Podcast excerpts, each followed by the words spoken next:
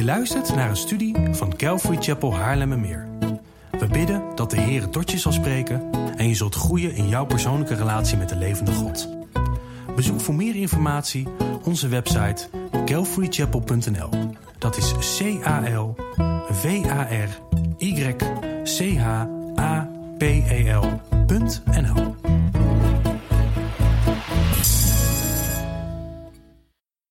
Oké, wij gaan verder met de preekserie Route 66, waarin wij elk Bijbelboek in vogelvlucht gaan bekijken. Vanmorgen behandelen wij deel 2 van 2 van eh, Leviticus. Aanstaande zondag pakken wij het boek eh, Numeri. En in deel 1 zei ik dat Leviticus bij uitstek het Bijbelboek is waarop meeste, of de meeste aspirant Bijbellezers afhaken. Eh, veel mensen die zich voorgenomen hebben om überhaupt de Bijbel te gaan lezen, systematisch door te lezen, lopen vast bij Leviticus en dat is best te begrijpen. Ehm, het is gewoon een moeilijk te lezen boek en daar zijn een aantal goede redenen voor. Die redenen heb ik vorige week uh, met jullie gedeeld.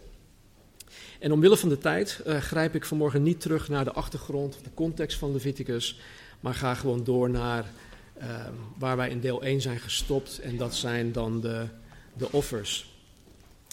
We hadden gezien dat de, de offers, deze offers, uh, zowel naar Jezus verwezen. En wij zagen dat de offers ook tot ons spreken, anno 2019. Uh, ze spreken specifiek tot ons over hoe wij met God om horen te gaan. Ze spreken tot ons over hoe wij God horen te aanbidden. En in onze aanbidding tot God, wat eigenlijk veel meer behelst dan slechts lofprijs en aanbiddingsliederen te zingen, leert het brandoffer ons dat wij ons geheel aan God over moeten geven.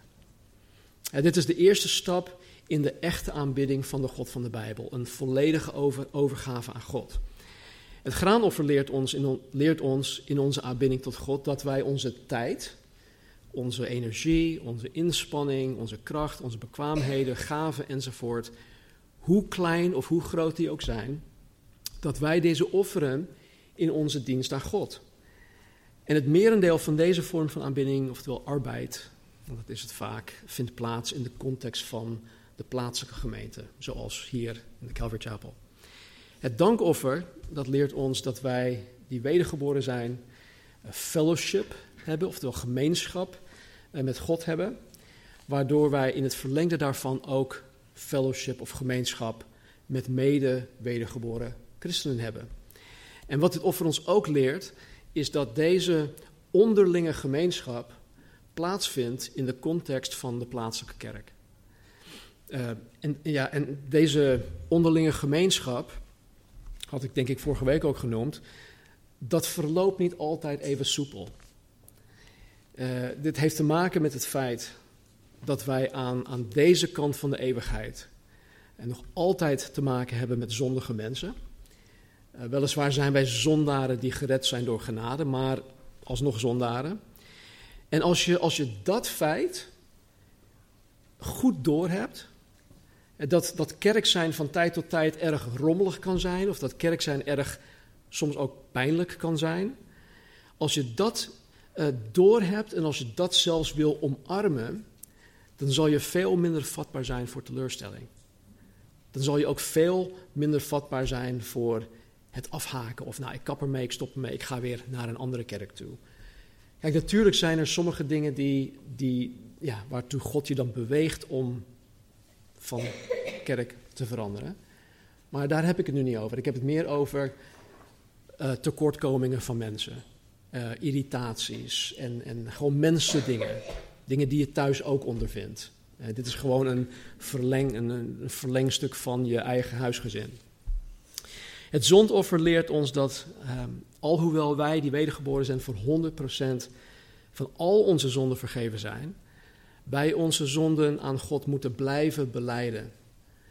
Dit is om die intieme relatie met God te behouden. Als ik lelijk doe tegen Marnie, dan, dan zeg ik ook altijd, schat, sorry, vergeef me alsjeblieft voor dit, dit en dat. En dat is alleen maar omdat wij die intieme, intieme relatie met elkaar willen behouden. En het is, het is noodzakelijk dat wij in die relatie ook om vergeving vragen aan elkaar. Dat wij sorry zeggen. En zo is dat ook dan met, met, met God. Het is niet dat, God ons niet vergeeft, want wij zijn al vergeven, maar het heeft puur te maken met die relatie. Betekent, uh, betekent dat wij het met God eens zijn dat wat wij gedaan hebben ook zondig is. Um, ik sprak van de week iemand die, um, die zei van joh, dit, dit, dit en dit en dit staat er wel in de Bijbel, maar ik geloof niet dat dat zonde is.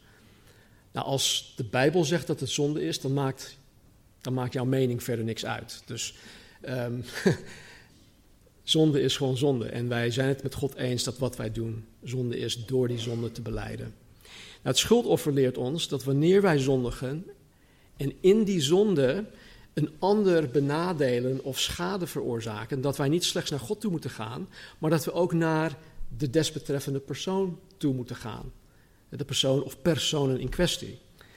Het leert ons ook dat in sommige gevallen van zonde er blijvende consequenties kunnen zijn. Als je bijvoorbeeld vreemd gaat en je loopt een HIV-infectie op, dan zou je man of je vrouw je eventueel wel kunnen vergeven, maar de consequenties daarvan draag je elke dag tot het einde van je leven. Dus sommige dingen, sommige zonden, die hebben nou eenmaal uh, consequenties. Nou, al deze offers leren ons hoe wij als wedergeboren christen met God en met elkaar om horen te gaan. Nou, voordat we verder gaan met uh, het tweede deel, um, of het volgende onderwerp, sorry, wil ik nog vier dingen aanhalen met betrekking tot deze offers en hoe wij dit zo'n 3500 jaar later, hè, waar we nu zitten, in ons leven kunnen toepassen. Nou, bij alle offers kwam de aanbidder nooit met lege handen naar God toe. Bij al deze offers kwam de aanbidder nooit met lege handen naar God toe. Hij moest altijd iets van waarde aan God offeren. Dus als, als ik dat dan weet, de vraag is dus: oké, hoe kom ik bij God? Hoe kom ik bij God? Hoe, hoe komen wij zondags naar de eredienst toe? Wat brengen wij bij God? Wat offeren wij aan God? Bijvoorbeeld, wanneer je zondags naar de eredienst toe komt, kom je geestelijk onvoorbereid en met lege handen naar God toe? Of is de eredienst iets waar je de hele week al naar uitkijkt en je geestelijk goed voorbereid bent om iets van waarde aan God te geven? Kijk, ik snap dat dit in deze maatschappij waar je geleefd wordt, dat dat gewoon lastig is. Maar het heeft te maken met een instelling, het heeft te maken met een hartsgesteldheid. En als wij, als wij daarin al verandering gaan zien in ons eigen leven, dan is dat al heel wat. Wees daar in ieder geval, in ieder geval wel van bewust. Weet je, sommige mensen denken dat de eredienst, wat wij hier op zondag hebben, iets is waarin het muziekteam, André en de band, en de voorganger, wij zijn de dienstverleners en jullie zijn de consument. Mensen denken dat. Mensen denken dat dat kerk zijn is. En, maar dat, dat is totaal niet wat de Bijbel hiermee bedoelt met kerk zijn. Dan begrijp me niet verkeerd. Natuurlijk zijn er momenten, en misschien zelfs langere periodes, waarin je denkt dat je God gewoon niets te bieden hebt. Dat je eigenlijk snakt naar een stukje rust. En dat je liefst alleen maar wil ontvangen. Zo kwamen wij in 2002 bij de Meerkerk in Hoofddorp. Marnie en ik waren zo, we hadden, zo, we hadden echt rust nodig. En we kwamen daar en Wichter Tamboer die, die omarmde ons en zei, weet je, blijf gewoon een jaar lang niks doen. Ik zal mensen ook vragen om jullie met rust te laten. Maar binnen, binnen, een paar maanden, joh, trok ik dat niet meer. Uh, God begon gewoon in me te werken. En hey, uh, wat doe jij hier? Elke, elke zondag lekker ontvangen, consumeren. Daartoe ben jij niet geroepen. Nee, dus ik snap dat. Ik snap wat het is om naar een stukje rust te snakken en, en dat je alleen maar wil ontvangen. Maar ondanks dat je denkt, ondanks dat je denkt dat rust en het niets doen het beste voor je is, leert de Bijbel ons, en dat is ook in mijn, mijn ervaring, dat, dat het juist goed is om het tegenovergestelde te doen. Juist wanneer wij vanuit onze diepste dalen denken dat, uh, wij God niets te bieden hebben en liefst niets willen doen, is het juist van belang om iets van jezelf, iets van waarde aan God te geven. En dan heb ik het niet over geld of materiële dingen. Dus kom naar de eredienst toe om iets van waarde aan God te offeren. Je tijd. Tijd is waardevol tegenwoordig. Je energie is ook, ook waardevol. Soms moeten wij heel bewust omgaan met de energieverdeling. En je gaven, je talenten, je inspanning enzovoort. Niet voor niets zei Jezus dit. Je wordt gelukkiger van geven dan van ontvangen. Je wordt gelukkiger van geven dan van ontvangen. Nou, het woord offeren betekent dichtbij brengen. De bedoeling van het offeren was om de offeraar of de aanbidder dichter bij God te brengen. Dus wanneer wij God de Vader en Jezus Christus zondags in de eredienst aanbidden of bezingen, dan horen wij daarmee dichter bij Jezus te komen, dichter bij God. Daarom is onze tijd van lofprijs en aanbidding door middel van samenzang, wat wij hier doen, niet bedoeld als de inloop van de dienst. Nee, het is een, een integraal onderdeel van de eredienst naar God. Want het brengt ons dichter bij God. En nu snap ik dat er sommige zondagen zijn wanneer je totaal geen zin hebt om te zingen. Die zondagen heb ik ook. Soms heb ik ook zoiets van, joh, ik heb vanmorgen geen zin om naar de kerk toe te gaan. Maar ja, ik ben de voorganger.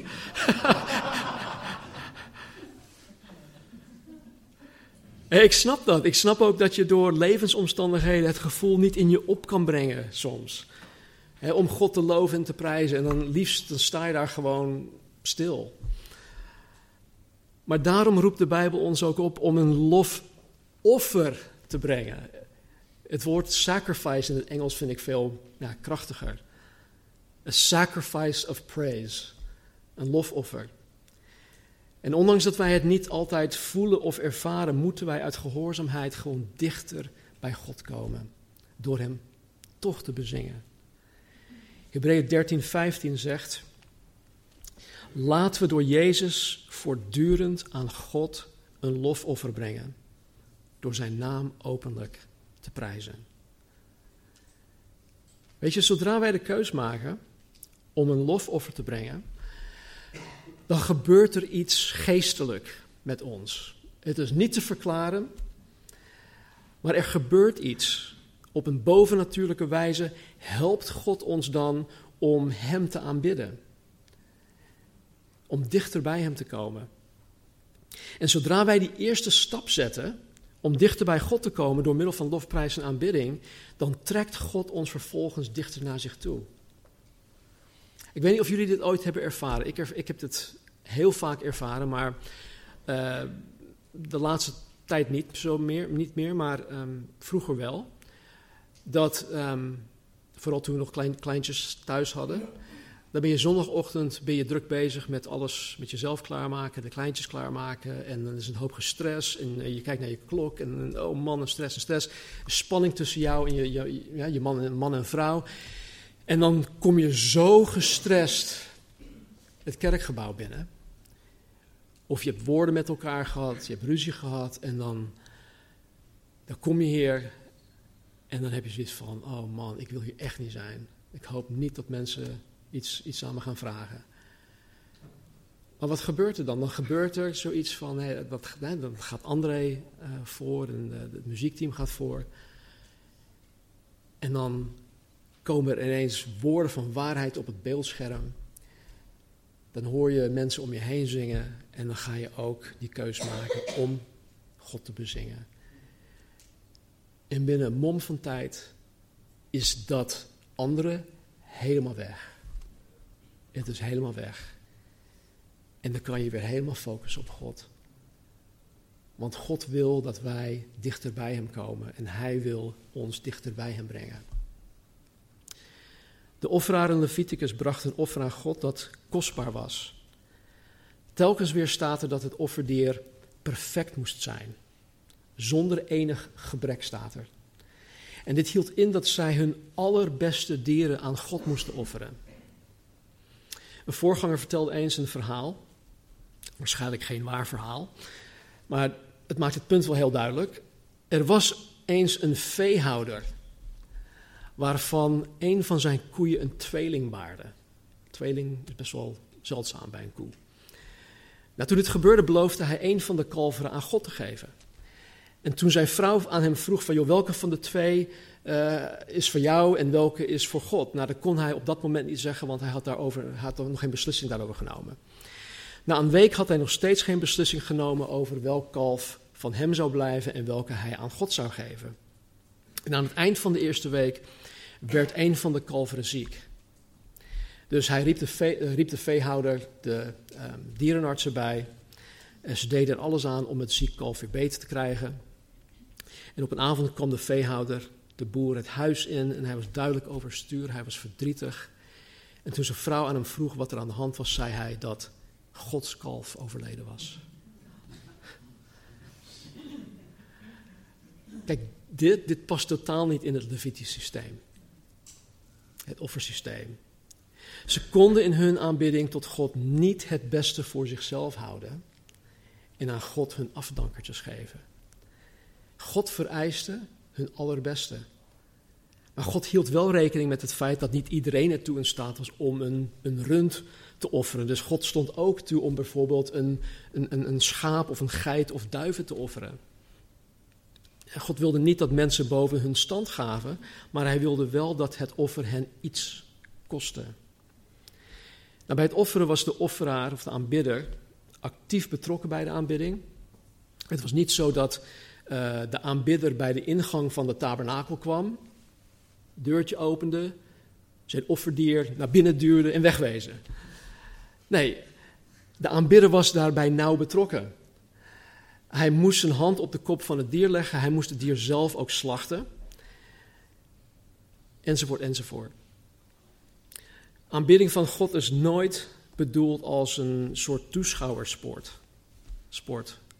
En dat geldt natuurlijk ook voor ons. De bedoeling van onze eredienst is niet dat de muziek ons bijvoorbeeld hoort te entertainen.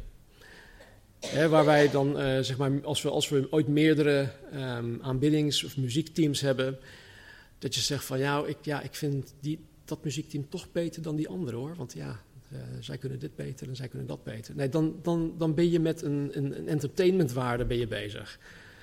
Weet je, want het gaat om God aanbidden. En al, al sta ik hier met mijn gitaartje, dan moet dat ook niet uitmaken. Het, het, het is gewoon, wij horen de, de God van hemel en aarde te aanbidden. Dus muziek is eigenlijk een middel waardoor wij God kunnen bezingen. Het is een middel waarmee wij God een lofoffer kunnen brengen. Wij, de gemeente, zijn hier nauw bij betrokken. Wij doen dit samen met het muziekteam. Dus in onze aanbidding komen wij niet met lege handen bij God. Wij komen om onszelf en iets van onszelf te geven. Wij komen door de samenzang dicht bij Jezus, door Hem een lofoffer te brengen. Wij geven God ons allerbest en geen afdankertjes. En wij zijn actieve aanbidders, we zijn geen toeschouwers. Nou, het was ook niet de bedoeling dat mensen in die tijd zomaar uh, de tabernakel inkwamen. Uh, om dan zelf offers aan God te offeren. Nee, God had daarvoor speciale priesters uit de stam van Levi, uit de familie van Aaron. Hij had hen gekozen hiervoor. En in hoofdstuk 8 en 9 zien wij de inwijding en de bediening van uh, de priesters. In hoofdstuk 10 zien wij ook het falen van twee van die priesters. Dat waren de twee zonen van Aaron. In het offersysteem was de priester nodig om de mensen en de zonde van de mensen te vertegenwoordigen bij God. Dus de mensen kwamen naar zo'n priester toe. Vervolgens ging de priester naar God toe en zei van... hey, Gita die heeft dit gedaan en dit gedaan. Uh, wil je hem alsjeblieft vergeven? Nou oké, klaar. Ook was de priester nodig om God te vertegenwoordigen bij de mensen. In Leviticus 9, vers 23 staat dit. Vervolgens ging Mozes met Aaron de tent van ontmoeting binnen, dus de tabernakel. En toen zij er weer uitkwamen, zegende zij het volk. En de heerlijkheid van de Heere verscheen aan heel het volk. De rol van de priester kende dus twee kanten. Ten eerste nam hij het offer van Gita aan. Zijn zonde bracht hij bij God. Vervolgens werd, kwam dat allemaal goed. En kwam de priester naar buiten toe. Hey Gita, gaat goed man. Zoiets. In Hebreeën zien wij tot minstens elf keer toe dat Jezus onze hoge priester is. Die ons bij God vertegenwoordigt en die God bij ons vertegenwoordigt. En Jezus zei tegen Filippus in Johannes 14: Als je mij gezien hebt, dan heb je God de Vader gezien. En dus Jezus is een, een, een perfecte vertegenwoordiging van God de Vader. Als je Jezus gezien hebt, dan heb je God gezien. Aaron was de eerste hoge priester. Zijn zoons waren de gewone priesters. In hoofdstuk 8 zien we dat zij speciale en zeer uitgebreide kleding moest dragen. En uh, eenmaal aangekleed werd Aaron gezalfd met olie. Er werd uh, speciale zalfolie, dat was daar, daarvoor bereid. Dat werd over hem heen gegoten, wat symbool stond voor het vervuld zijn met de Heilige Geest. En dit geeft aan dat geen enkele dienst uit eigen menselijke kracht voor God aanvaardbaar was. Alle dienst aan God moest door de kracht van de Heilige Geest gedaan worden. En dit geldt voor ons ook. Jezus zei tegen zijn discipelen dat, dat zij, en wij dus ook, niets zonder Jezus kunnen doen. En Jezus sprak hier over het dienen van God. Dingen die uh, van eeuwigheidswaarde zijn. Die dus alleen in de kracht van de Heilige Geest gedaan kunnen worden. Kijk, ik, ik kan hier elke week wel een presentatie doen. Maar als ik niet zelf wedergeboren ben, als ik zelf niet vervuld ben met de geest, dan is het alleen maar een presentatie. Maar omdat ik wedergeboren ben, omdat ik vervuld ben met de geest, weet ik dat wanneer wij het woord openen, de Heilige Geest hier doorheen tot jullie spreekt. Dat weet ik gewoon. En dat heeft niks met mij te maken, heeft alles met hem te maken. Nou, als laatste, nadat de hoge priester geheel gekleed was, gezalfd met olie, werd er bloed van het offerdier op hem gesprenkeld. Nou, dat klinkt natuurlijk hartstikke zonde, want hij had echt prachtige kleding aan. Het is net alsof je hier een bruid had staan in een prachtige jurk. En ineens komt iemand met een glas uh, druivensap over heen gooien. Nou, als dat eenmaal gebeurt, dan het enige wat je ziet zijn die rode vlekken natuurlijk. Je ziet, je ziet niet meer dat, dat de jurk mooi is. Dus het is hartstikke zonde dat, ja, dat dit moest gebeuren. En natuurlijk was het om de zonde. De reden dat hij met bloed besprenkeld moest worden, was omdat de priesters zelf ook zondaren waren. En ook zij moesten net zoals de gewone mensen door het bloed gereinigd worden voordat zij de Heer konden dienen. En dit geldt ook voor het dienen in de gemeente, in de kerk van Jezus Christus. En ieder die werk voor de Heer wil verrichten in zijn kerk, het is niet mijn kerk, het is niet jullie, het is zijn kerk, moet eerst gereinigd worden van zijn en haar zonde. Met andere woorden, en ieder die de Heer wil dienen, moet wedergeboren zijn en vervuld met de geest. Want het is de geest van God die mensen bekwaamt. Het is de geest van God die mensen bekwaamt. Het is de geest van God die mensen gaven geeft en in staat stelt om hun door God gegeven bediening uit te kunnen oefenen. Um, open je de Bijbel op Exodus 35. Exodus 35.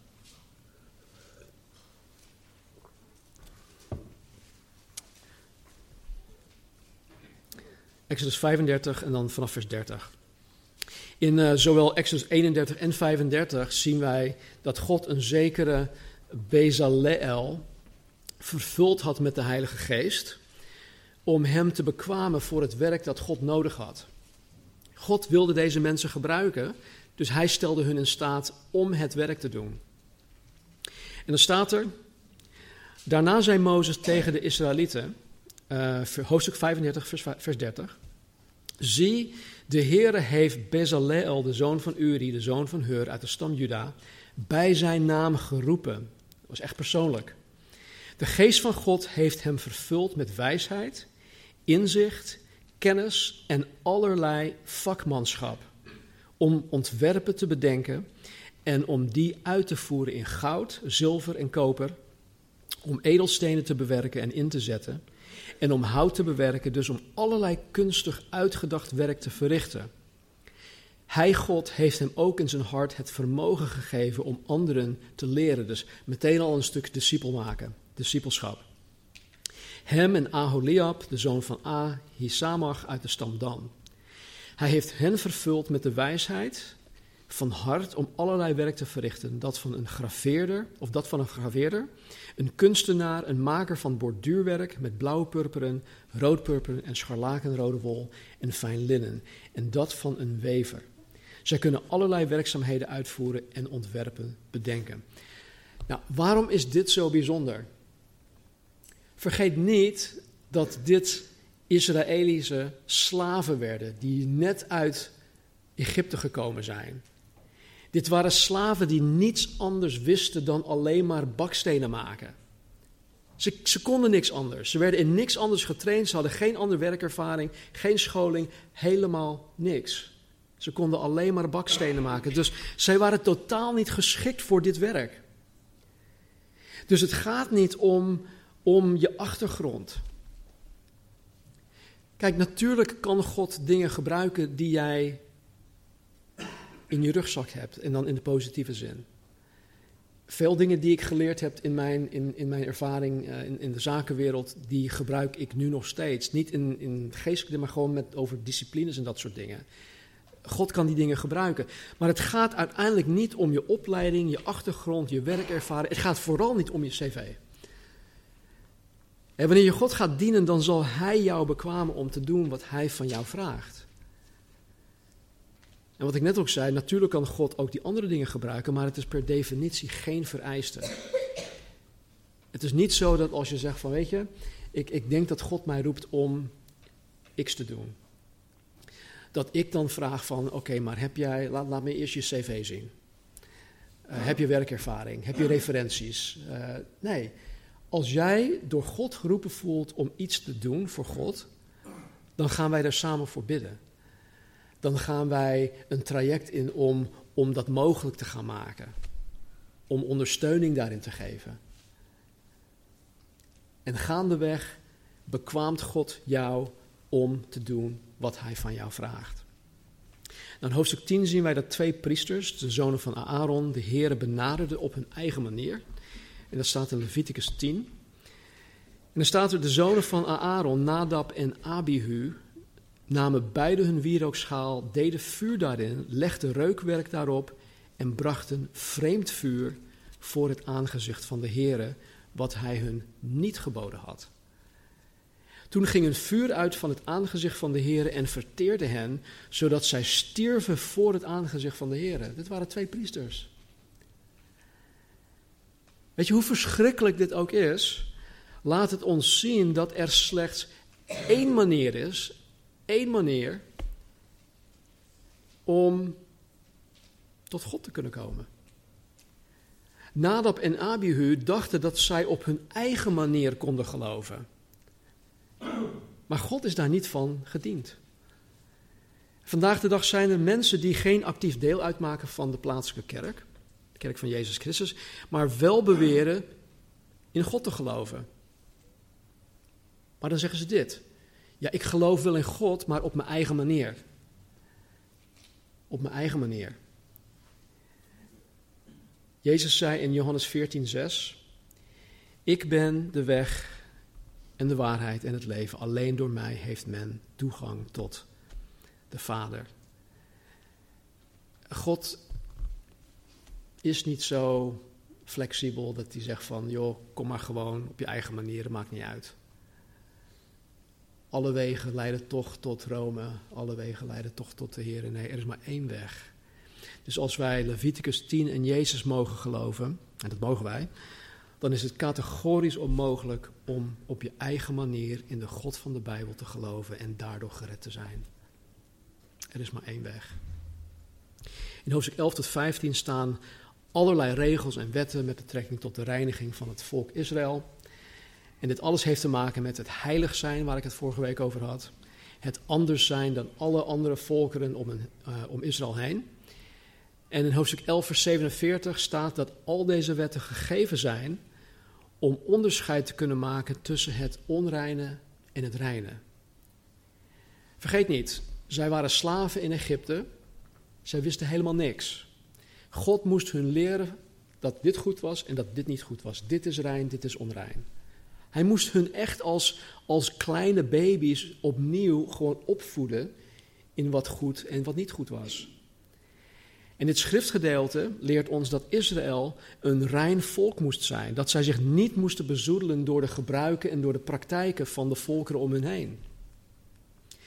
En alhoewel wij, wij die wedergeboren zijn, ons niet aan al deze reinigingswetten en al deze voedselwetten hoeven te houden, leert het Nieuw Testament ons wel hetzelfde principe. Namelijk dat ook wij onderscheid moeten maken tussen wat God wel en niet goed vindt. In Romeinen 12, vers 2 staat: Loop niet mee in, de, in het gereel van deze wereld. U moet anderen, anders, anders, heilig zijn. U moet andere mensen worden met een nieuwe gezindheid om te kunnen onderscheiden wat de goede, welbehagelijke en volmaakte wil van God is. In hoofdstuk 16 staan de instructies voor de grote verzoendag, waarop verzoening gedaan wordt voor heel Israël om hen te reinigen van al hun zonden. En dit gebeurde slechts één keer per jaar en alleen de hoge priester mocht het heilige der heiligen inkomen. Niemand kon daar, mocht daarin komen, alleen hij. En ja, in het kort ging het als volgt. Op de tiende dag van de zevende maand, dat is ergens in, uh, in het najaar, ontmoette God de hoge priester in het heilige der heiligen. En dat ging niet zomaar. Hij moest zichzelf wassen, hij moest speciale onderkleding en zijn speciale designer hoge priesterkleding aantrekken. Hij moest een jonge stier voor zichzelf en voor de zonde van zijn gezin offeren. Hij moest twee bokken voor het aangezicht van God brengen. Ehm, en ja, door middel van het lot, hij moest een lot trekken, wat eigenlijk hetzelfde is als de tos in een voetbalwedstrijd. Kop of munt, wie gaat eerst? Koos hij één die aan God geofferd moest worden, die dus geslacht en geofferd moest worden. En die ander die mocht vrijgelaten worden. En dat werd dus bepaald door het lot. De bok dat aan God geofferd werd, werd geslacht.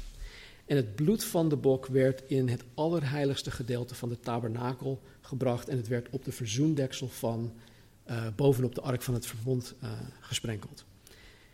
Vervolgens moest de hoge priester beide handen op de kop van de levende bok leggen waardoor hij symbolisch alle zonden van heel Israël op deze zondebok legde. En daarna werd deze bok in de wildernis vrijgelaten om nooit meer terug te komen. Nou, ik denk dat als die bok zag wat met zijn broertje was gebeurd, dat hij gewoon met een hoge vaart wegrende om niet dezelfde, ja, uh, om ook geslacht te worden. Nou, dit is natuurlijk een prachtig beeld, hè, de, de zondebok die weggaat van uh, wat Jezus voor ons gedaan heeft. Jezus is eens en voor altijd voor onze, voor onze zonde gestorven, waardoor hij al onze zonden geheel en voor altijd heeft verwijderd. Psalm 103:12 zegt: Zo ver als het oosten is van het westen, zo ver heeft hij onze zonde van ons verwijderd. Weet je, als jij vandaag de dag nog steeds, als jij je nog steeds schuldig voelt over zonden die je in het verleden hebt begaan, dan doe je jezelf echt tekort. Want Jezus heeft daarmee afgerekend. Deze zonden zijn helemaal weg. Ze zijn, zo, ze zijn zo ver als het oosten van het westen is. God ziet ze niet meer. Dus waarom zou jij je hierover nog schuldig moeten voelen? Dit soort schuldgevoel komt bij de duivel vandaan. Bij, hij wordt de aanklager van de broeders of van de christenen genoemd in openbaring. En, en tegen dit soort aanklachten van de duivel moeten wij ons bewapenen door onder andere dit soort aanklachten krijgsgevangenen te nemen en deze te onderwerpen aan Jezus Christus en aan de waarheid. Zoals er staat in, uh, in 2 Korinthe. Wanneer dit soort gedachten in je opkomen, kan je weerstand bieden aan de duivel door gerust, je kan het hardop zeggen, ik, ik zeg het soms gewoon hardop.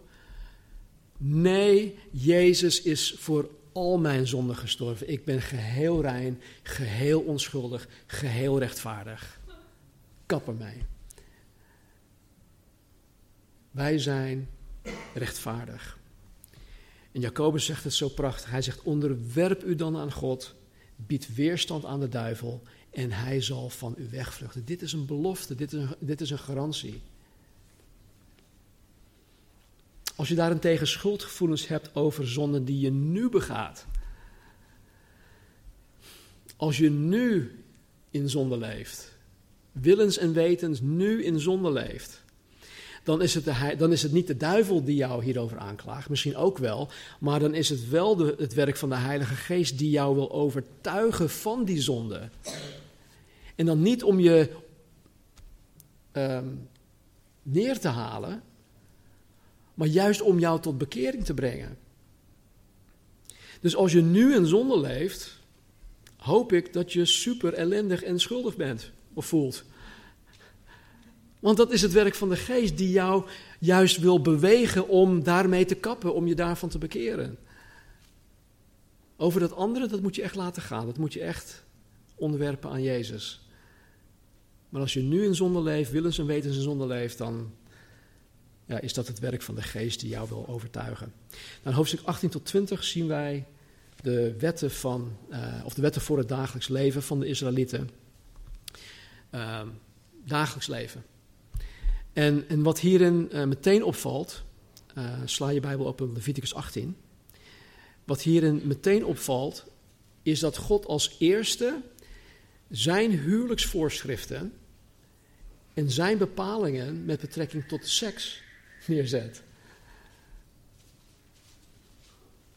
Iemand is het er niet mee eens. is het eerste wat hij doet. Leviticus 18, 1 tot en met 4.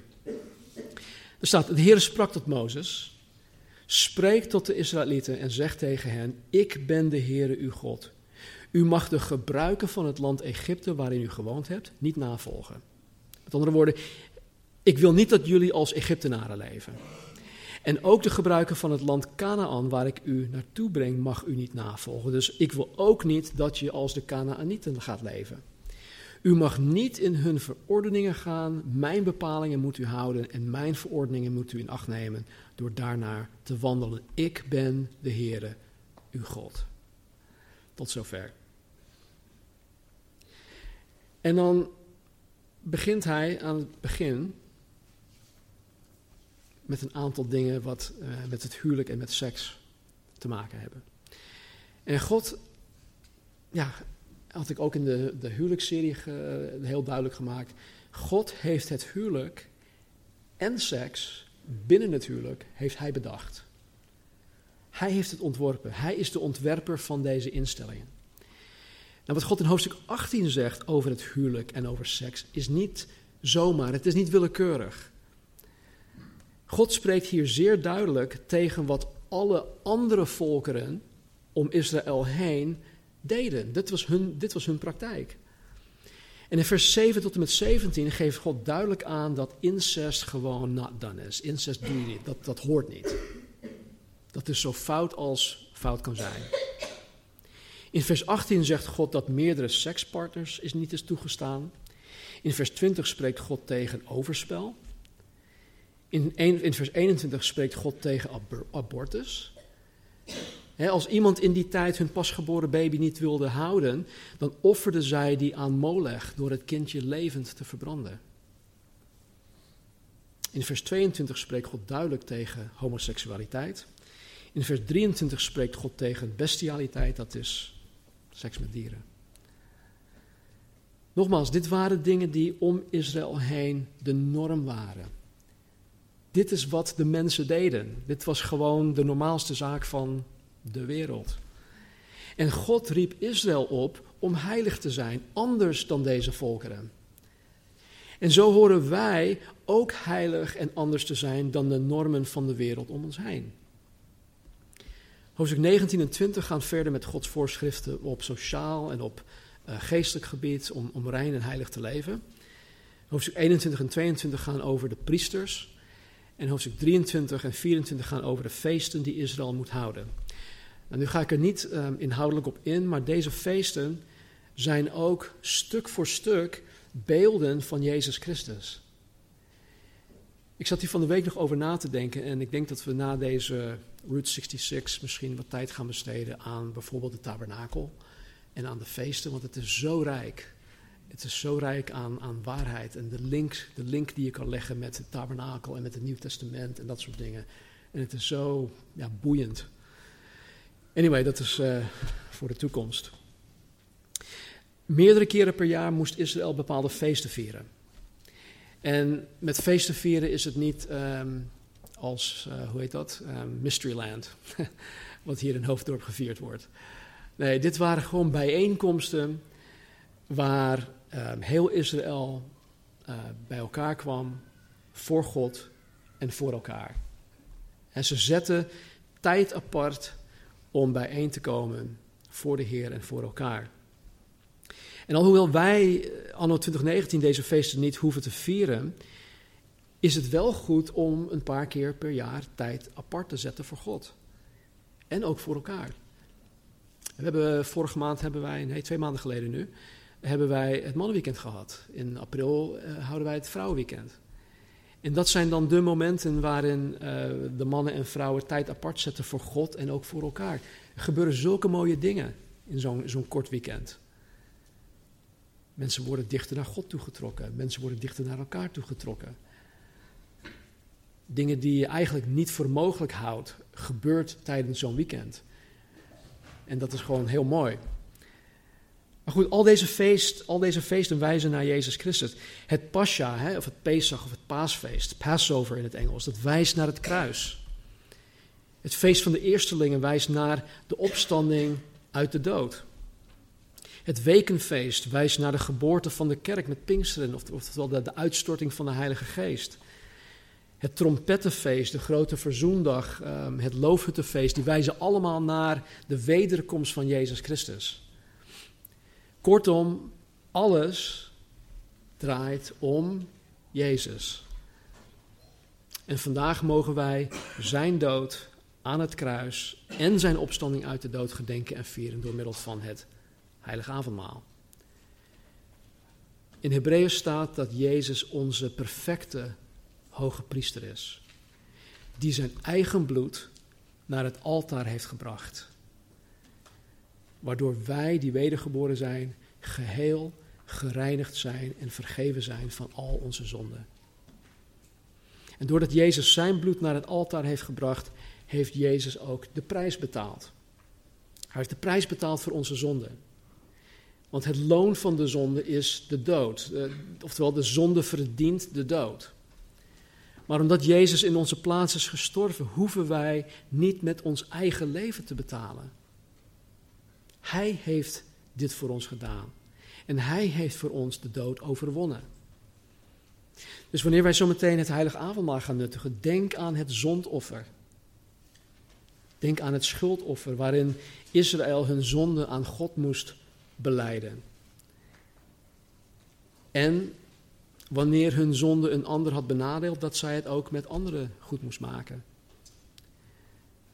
Dus neem zo meteen ook de tijd. Praat met God. Knaagt de Heilige Geest aan jou? Is er iets in je leven waar, waarvan God wil dat jij je moet bekeren? Vraag het aan God. Praat met God.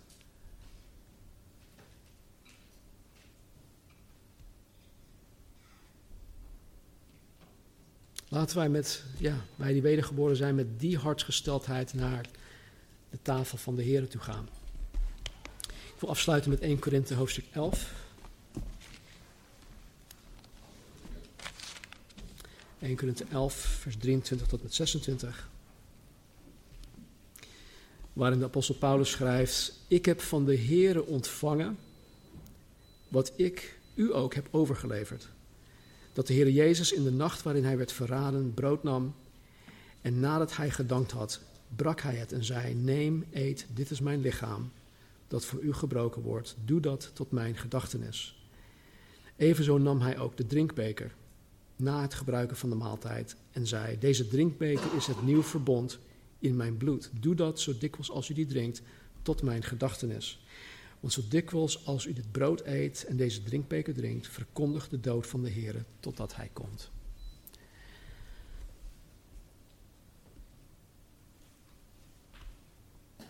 Het woordje dikwijls betekent dat wij dit gewoon regelmatig kunnen doen. wij kiezen, het ervoor, kiezen ervoor om dit gewoon één keer in de maand te doen. Praktisch gezien is dat gewoon handig op de eerste zondag van de maand. Maar het is ook goed als je dat thuis doet. Met je gezin, met je kinderen. Of als je samenkomt op zo'n woensdagavond bijvoorbeeld. Of uh, whenever. Doe dit zo dikwijls tot mijn gedachtenis. En het is goed om het offer van Jezus, en niet alleen het offer, maar ook de opstanding uit de dood, continu op ons netvlies te houden. Want dat is het evangelie, dat is wat ons hoop geeft, dat is wat ons helpt om ochtends weer op te staan. Paulus zegt in vers, vers 26, want zo dikwijls als u dit brood eet en deze drinkbeker drinkt, verkondig de dood van de Heer totdat hij komt. Zie, de apostel Paulus en alle andere nieuwtestamentische schrijvers waren ervan bewust dat er een moment gaat komen dat Jezus terugkomt. En hij komt ten eerste om de gemeente op te nemen, dan komt hij niet fysiek op aarde terug, maar hij zal ons ontmoeten in de lucht. En vervolgens, na de grote verdrukking, komt hij terug om zijn duizendjarig rijk uh, hier op aarde te vestigen, wat ook de wederkomst of de tweede komst van Jezus uh, wordt genoemd. En er zijn natuurlijk heel veel verschillende ideeën over timing en tijdlijn, wanneer het allemaal gaat gebeuren, maar dat, doet er op dit moment even helemaal niet toe. De vraag is, ben je er klaar voor? Ben je er klaar voor? Stel dat hij over vijf minuten zou komen om ons te ontmoeten in de lucht. Ben je er klaar voor? Laten we bidden. Heere God, dank u wel dat u zo ver gegaan bent en dat u zo gedetailleerd in uw woord al deze dingen hebt vastgelegd voor ons. Ik, ik, voel me een beetje schuldig om niet op al die details in te gaan. Ik voel me een beetje ja, schuldig in de zin dat ik zoveel heb weggelaten. Maar heren, dit is gewoon de, ja, de, de opzet van deze studie, deze serie. En ik uh, moet me daarbij neerleggen. En weten dat wat we met elkaar behandeld hebben, Heer, dat dat goed is. En dat u daardoorheen spreekt. En dat u daar, ons daardoorheen verandert. Naar het beeld van Jezus Christus. Dat u ons heiligt. Dank u wel daarvoor, Vader. Dank u wel dat u, uw Heilige Geest, ook door dit woord heen tot ons laat spreken. En wanneer wij vanmorgen het heilige avondmaal nuttigen, Heer, wanneer wij de dood en de opstanding uit de dood van Jezus gedenken, Heer. Bepaal ons daardoor. En niet alleen hier tijdens de dienst, hier op dit moment, maar bepaal ons daar morgen ook weer door. Wanneer we naar school toe gaan, of wanneer we naar ons werk toe gaan, of waar we ook naartoe gaan morgen, wat we morgen ook doen.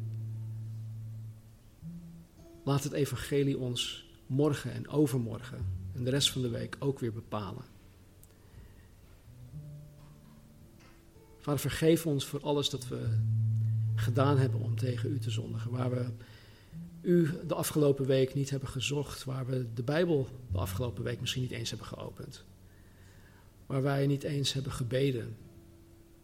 Vergeef ons, Heer, en laat ons vandaag gewoon een, ja, weer met een schone lei beginnen. En uh, ja, de dag met frisse moed ingaan. Heer, als u wil dat sommigen van ons wat vroeger opstaan om uw Bijbel te openen, beweeg ons daartoe. Maak het ons mogelijk. Maak ons gewoon wakker. Heer, op een tijdstip dat u goed acht. Trek ons naar u toe. Zuiver ons, snoei ons, opdat we meer vrucht gaan dragen. Heer, help ons om getuige te zijn binnen onze eigen gezinnen, binnen onze familiekringen. Vooral nu ook uh, in deze.